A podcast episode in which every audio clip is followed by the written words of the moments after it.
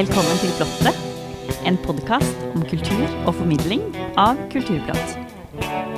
Mitt navn er Johanne Aurora Løvli Hidle.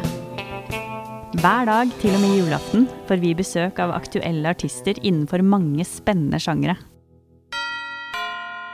Det skal også handle om kristendom. Vi får møte personer som er kjent innenfor ulike felt, som skal snakke om sitt forhold til kristendommen. Det blir en spennende advent. Vi kjører i gang.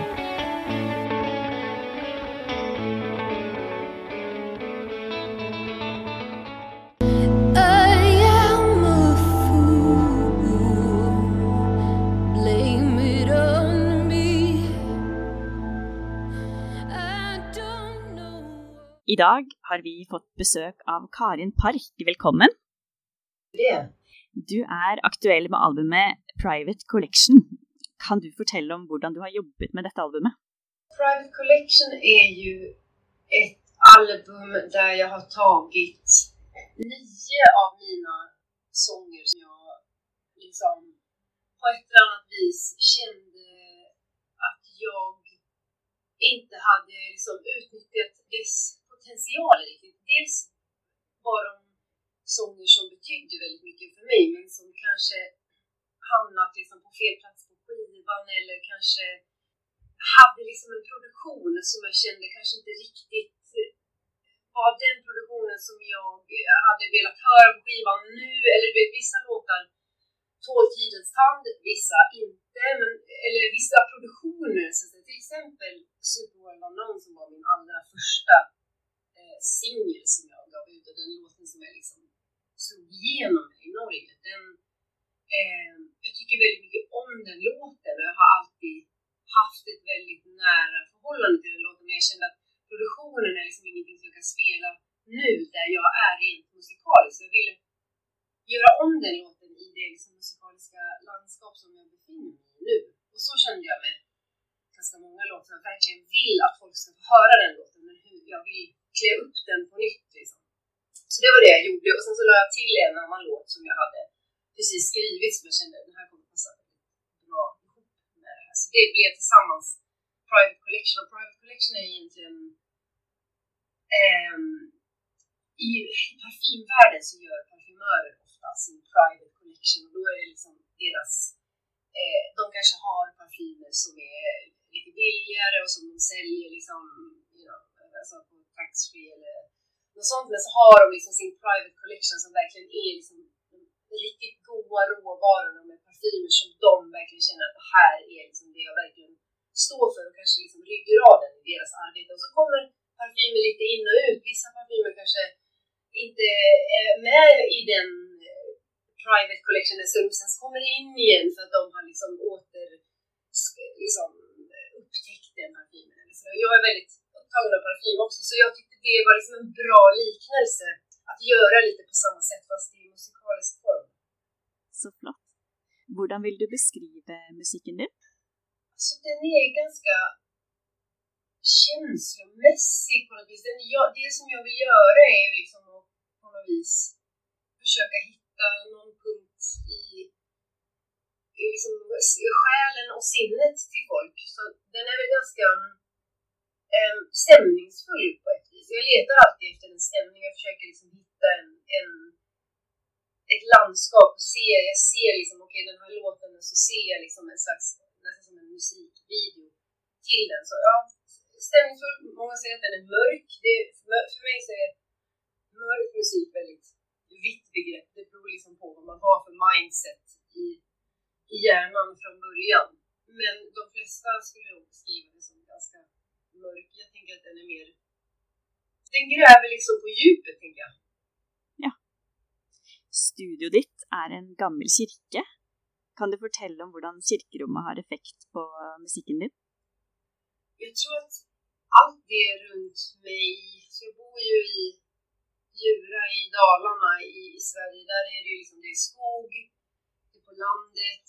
Den kyrkan er liksom et, et stort, gammelt bedehus der jeg vokste opp.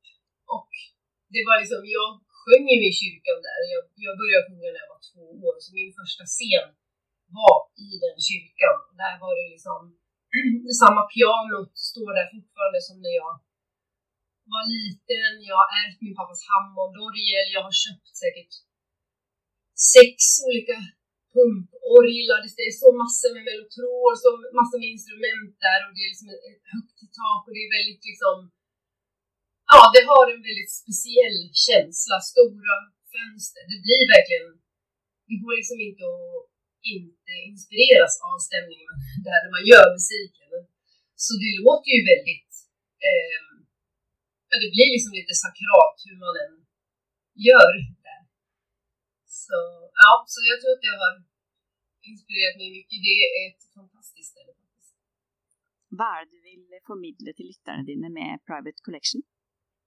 Jag tänker att jag alltid på något vis söker en slags, alltså jag har ju spelat in den här skivan i min studio, jag spelar allting själv på skivan, eh, jag har liksom valt ut precis hur jag vill ha allting själv. För mig så är det väldigt en, en frihetskänsla i det. Och jag har kommit på att jag letar liksom alltid efter frihet på något sätt. Och jag tror kanske även om jag inte har liksom en exakt grej som jag vill liksom tala om för folk. Jag vill liksom bara på något vis öppna upp lite och jag tror att det, jag kanske undermedvetet vill eh, förmedla någon slags frihet också. Men samtidigt, jag vill, jag vill alltid få folk att gråta. Det är det. Jag, jag vill egentligen få folk att skratta men jag vet inte hur man gör så jag får folk att gråta istället. Det är kanske det som jag tycker är härligast när folk säger åh jag börjar gråta när jag den låten. Ah, yes. Perfekt. Det går mot jul. Hva er jul for deg? Ja du, altså vi har jo alltid veldig traditionell jul hemma da jeg var liten. Men i år til eksempel så kommer jeg på hjem dagen innan julaften. Og eh, mina barn, vi kommer få fire jul i bilen. Så nu det här året så kommer jul vara så här paket-adventskalender och eh, julgransbelysning i turnébussen. Och sen vet jag inte riktigt hur det kommer bli från därifrån. Men eh, det, jag har i utgångspunkten en väldigt positiv eh, syn på julen. Så eh, ja, det är en bra känsla. Men det, det ändrar sig verkligen från år till år. Jag har, mitt liv är inte direkt fullt av traditioner längre. Mm. Har du en favorit julesång? Alltså, kanske inte en specifik julsång, men jag brukar alltid lyssna på Bob Dylans julskiva på julen. Bob Dylan och Elvis och lite Frank Sinatra när det blir jul. Vad med favorit julefilm? Eh, Fanny og Alexander. Ja. Helt klart. Tack för att du kom til Plottet, Karin. Ja, men takk for at jeg fikk komme. med. Da spiller vi en låt fra albumet Traces of Me. Seen from the outside into your dream It's funny how perfect it seems. What's now a whisper once was a song. A fire can only burn for so long.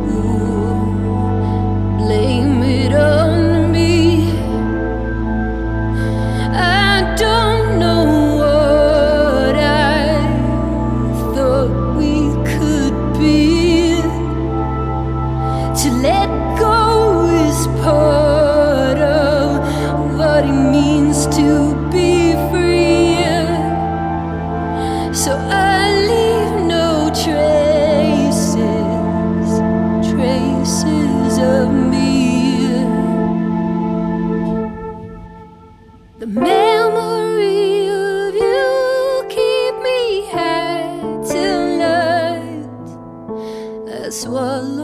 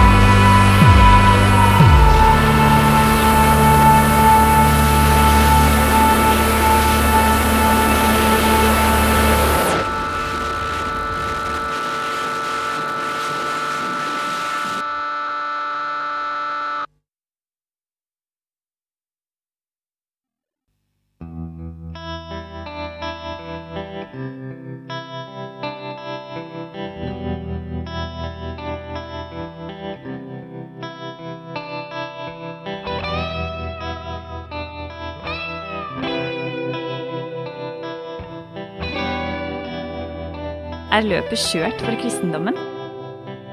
Vi har intervjuet 24 personer som drøfter kristendommens status per i dag denne julen. I dag er det ledende domkirkeprest i Oslo domkirke, Valborg Orseth Stene.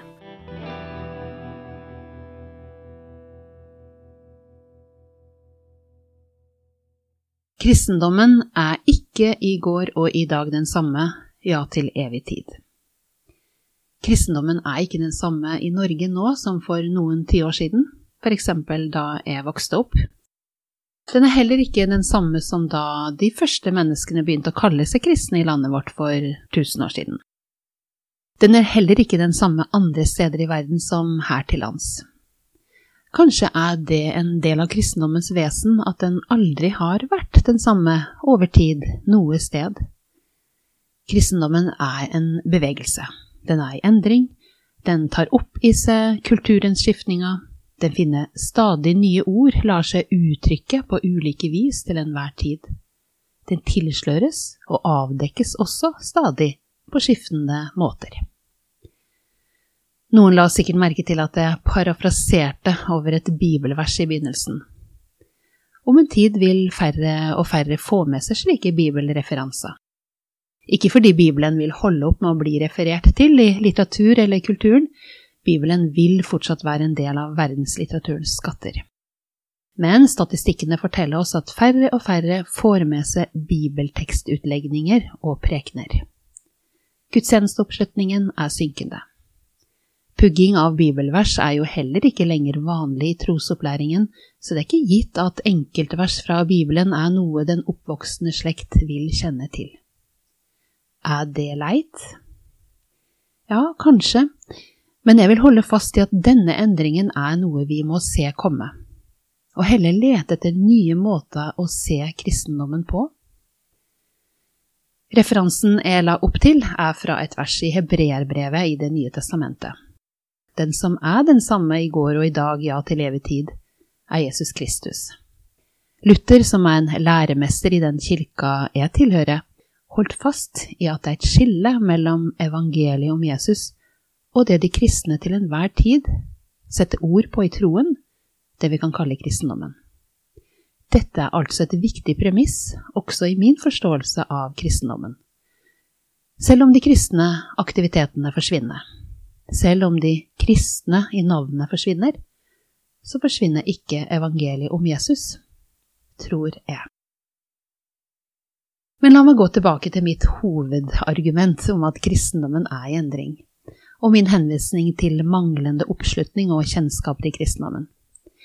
Ja, det er noen ganger riktig å si at løpet er kjørt for kristendommen. Men gitt mitt resonnement om de ulike versjonene av kristendommen, vil jeg da spørre hvilken kristendom er det kjørt for? Jeg vil komme med noen eksempler eller gi en bakgrunn for hvordan jeg reflekterer. I flere år har jeg vært samtaleprest i Oslo domkirke. Den er katedralen som ligger midt på torget, midt i byens hverdagspuls. Daglig står dørene åpne.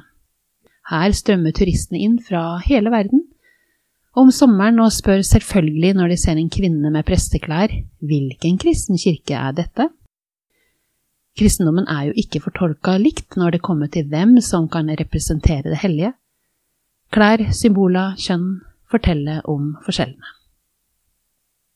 Til denne kirka kommer også mange fra byens egen befolkning som vil tenne et lys for noen eller noe de tenker særskilt på. Tradisjonen fra katedralene i det sørlige Europa om å tenne lys har kommet til oss her nord. Utenkelig for bare noen tiår siden. Noen spør også om en samtale. En del av de som kommer, er fra et annet land og spør om de kan lære mer om kristendommen, for dem en ukjent religion. Det er ikke alltid lett å vite hvor en skal begynne en slik utlegning. Å være prest i Norge er å være vant til at mennesker kjenner til kristendommen fra før. Slik er det ikke lenger. Og flott er det. Vi er mer mangfoldige beboere i Norge enn noen gang. Kanskje er det også et håp for kristendommen at nye kommer til, som ikke bærer med seg nedarvede kristendomsforståelser vi er vant med. De fleste samtalene har riktignok et litt annet preg. Undring, undersøking, uro. Mange av de som kommer, har en erfaring av at troen de bærer med seg, ikke nødvendigvis har vært til hjelp for dem, men heller til besvær. I henvendelsen ligger en lengsel om at troen kan være en styrke eller et støtte i en omskiftelig verden. De har ikke gitt opp håpet om at det finnes en slik livsstyrkende tro. Det er derfor de kommer.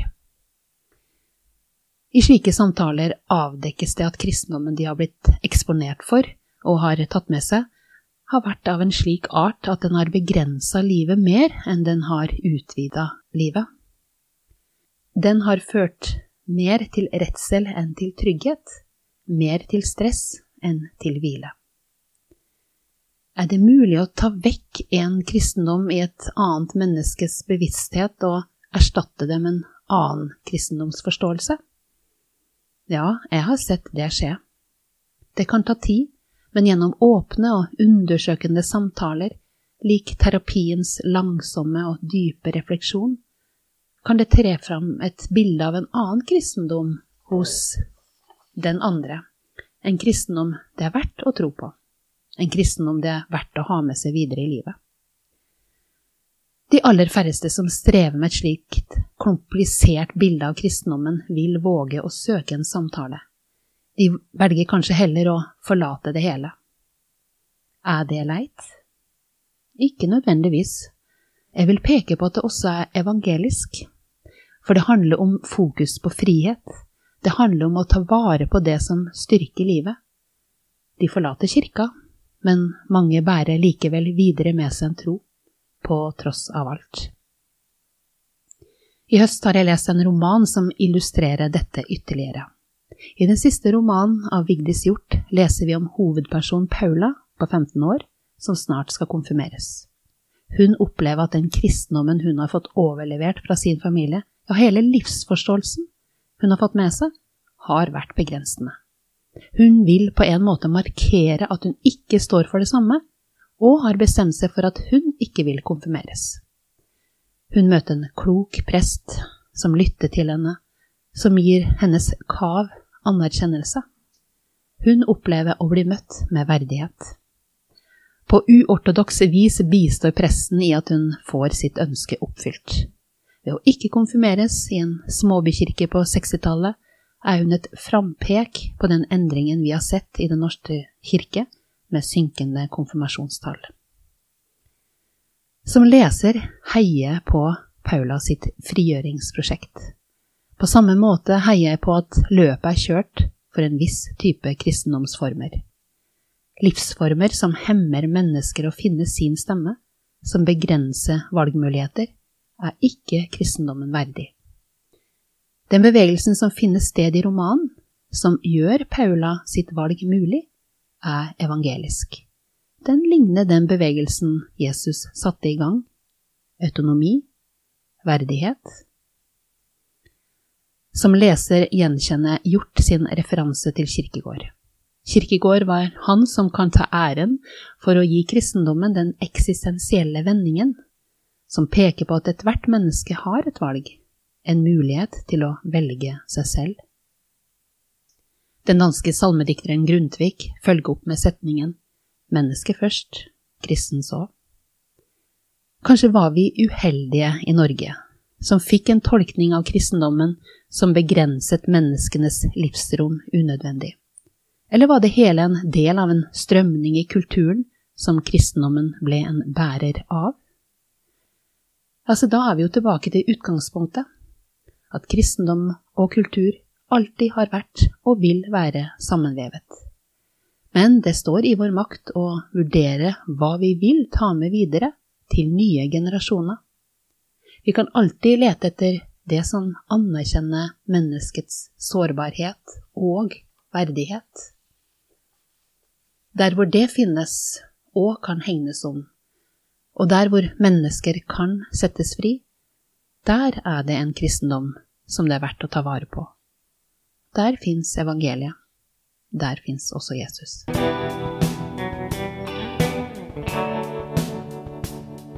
Følg med på alt som skjer i kulturverdenen på kulturplott.no. Der finner du også et tilbud på Kulturplott og magasinet Samtiden på 150 kroner for seks måneder. Programleder og teknisk ansvarlig for denne sendingen var Johanne Aurora Løvli Hidle.